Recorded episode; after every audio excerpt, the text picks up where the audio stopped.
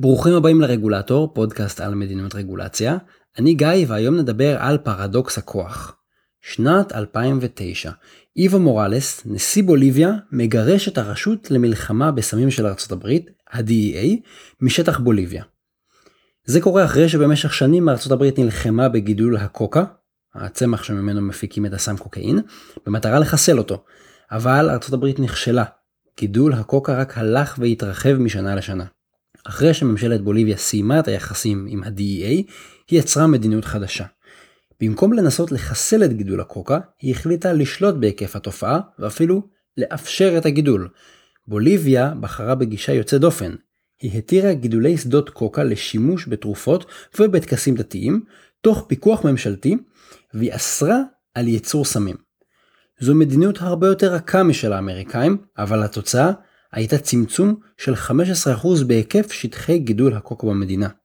זה לא רק עצירה של ההתרחבות, הם הצליחו גם להביא להקטנה.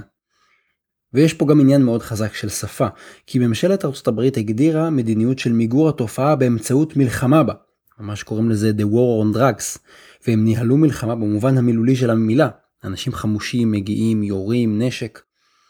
מנגד, בוליביה בחרה במדיניות מאפשרת עם רגולציה, אבל לא עם איסור מוחלט. בעצם היא קבעה פיקוח ואפשרה חלק מהשימוש בקוקה בגלל שהיא הכירה במשתנים חברתיים ותרבותיים. למשל, הביאו בחשבון את השימוש בקוקה לתרופות והמסורת של טקסים דתיים אצל השבטים האינדיאנים. במדיניות ציבורית, העובדה שאני מפעיל יותר כוח לא אומרת שאני משיג יותר תוצאות. ויש עוד המון דוגמאות למדיניות שמיועדת להשיג מטרה מסוימת, אבל משיגה בדיוק את ההפך, וככל שאני לוחץ יותר, אני רק משיג את ההפך עוד יותר. לפעמים אנחנו קוראים לזה אפקט הקוברה, או חוק התוצאות הבלתי צפויות. הנה עוד דוגמה מתחום מובהק של מדיניות ממשלתית והפעלת כוח. נדבר על המלחמה בנשק. בארצות הברית יש מדיניות ייחודית לגבי החזקה ושימוש של נשק. התיקון השני לחוקת ארצות הברית מגן על הזכות לשאת נשק. למרות תרבות הנשק בארצות הברית, יש גם חקיקה ורגולציה שמגבילה בכל מיני אופנים את השימוש בנשק. אחת ההוראות הכי מפורסמות ברגולציה האמריקאית על נשק היא אזורים חופשיים מנשק. Gun Free Zones. הרעיון פשוט ומאוד מפתה. באזורים מוגדרים אסור לאף אחד חוץ מרשויות האכיפה לשאת נשק חם. הרעיון הוא שלמרות שבארצות הברית יש זכות כללית לשאת נשק, באזורים מסוימים שהם רגישים, נשמור אותם סטרילים. וככה לא יהיה בהם אה, אירועי אה, ירי. אלא שבמציאות זה פשוט לא עבד. באזורים ללא נשק, בגן פרי זונס בארצות הברית, מתרחשים רוב מוחלט מאירועי הירי ההמוני בארצות הברית. מה זה רוב מוחלט? על פי מרכז המחקר למניעת פשע בארצות הברית, בין השנים 1950 עד 2018, יותר מ-97% מאירועי הירי ההמוניים התרחשו באזורים שהוגדרו כחופשיים מנשק. 97%. איך זה ייתכן שהרוב המוחלט המכריע של אירועי ירי המוניים קורים דווקא איפה שאסור בכלל לשאת נשק? הרי אמרנו שאלו אמורים להיות אזורים שיבטיחו, במיוחד הם יבטיחו שקט וביטחון. אז אני רוצה להציע לכם שלוש סיבות לתוצאות הבלתי צפויות של רגולציה, למורכבות של המערכת הציבורית, כשאנחנו באים לקבוע מדיניות ציבורית, ולעובדה שאנחנו צריכים הרבה פעמים לבוא דווקא בצורה גישה הרבה יותר עדינה, הרבה יותר צנועה, כשאנחנו ניגשים לקבוע מדיניות. סיבה אחת שאני רוצה להציע, היא שאזורים חופשיים מנשק הם אזורים בהם הטרף קל, נקרא לזה. באזורים רגילים בארצות הברית אנשים מסתובבים עם נשק והם יכולים להגן על עצמם. אבל באזורים חופשיים מנשק, רק לפושע יש נשק.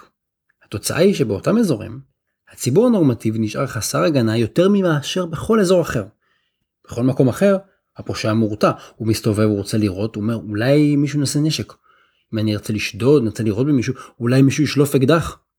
אבל אזורים חופשיים מנשק, מבטיחים לפושע שהוא היחידי עם נשק.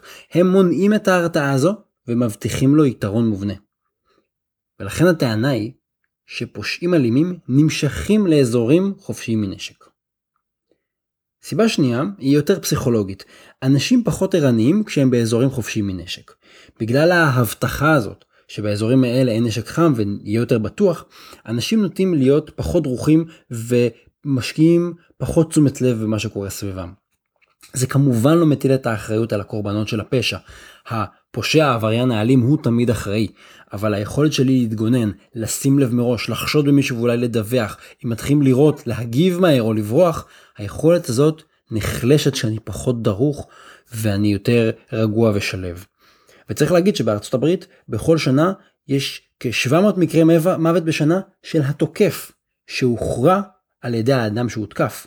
זאת אומרת, המותקף, הקורבן במרכאות כפולות לא חייב להיות קורבן, אבל זה קורה, הוא יכול להגן על עצמו רק כשהוא מספיק דרוך, והנתון הזה, ההבטחה הזאת שאנחנו בטוחים, מקטינה את תשומת הלב שלנו להתנהגות חשודה והיכולת להגיב מהר, להגן על עצמנו או לברוח. סיבה שלישית, יכול להיות, וזה הערכה שלי, יכול להיות שאין בקרה מספיק טובה. אזורים חופשיים מנשק יהיו כאלה רק אם יש בקרה אמיתית על מי שנכנס אליהם ועל מי שנמצא בהם. יש כאן הבטחה משתמעת, נכון? המדינה אומרת לי, הממשלה אומרת לי, אסור לך להיכנס עם נשק, ואנחנו נבטיח שגם אנשים אחרים לא ייכנסו עם נשק לאזור חופשי מנשק. אנחנו יודעים שבמוסדות שלטון ובשדות תעופה יש בדיקות ביטחוניות והן הולכות ונעשות יותר ויותר הדוקות. אבל יש לנו עוד סוגים של אזורים חופשיים מנשק שלא בטוח שהאבטחה בהם והבקרה בכניסה מספיק טובה. אני מדבר למשל על קניונים, על בתי חולים, על בתי ספר. ממש לא בטוח שתמיד יש בהם בדיקה מספיק טובה, שתבטיח לנו שהאזור באמת יהיה חופשי מנשק. ואם זה לא קורה, אז מתקיימים שני התנאים, שתי הסיבות הקודמות שאמרתי, מי שיכול להיכנס עם נשק ובאין מפריע, הוא יכול לראות באנשים אחרים.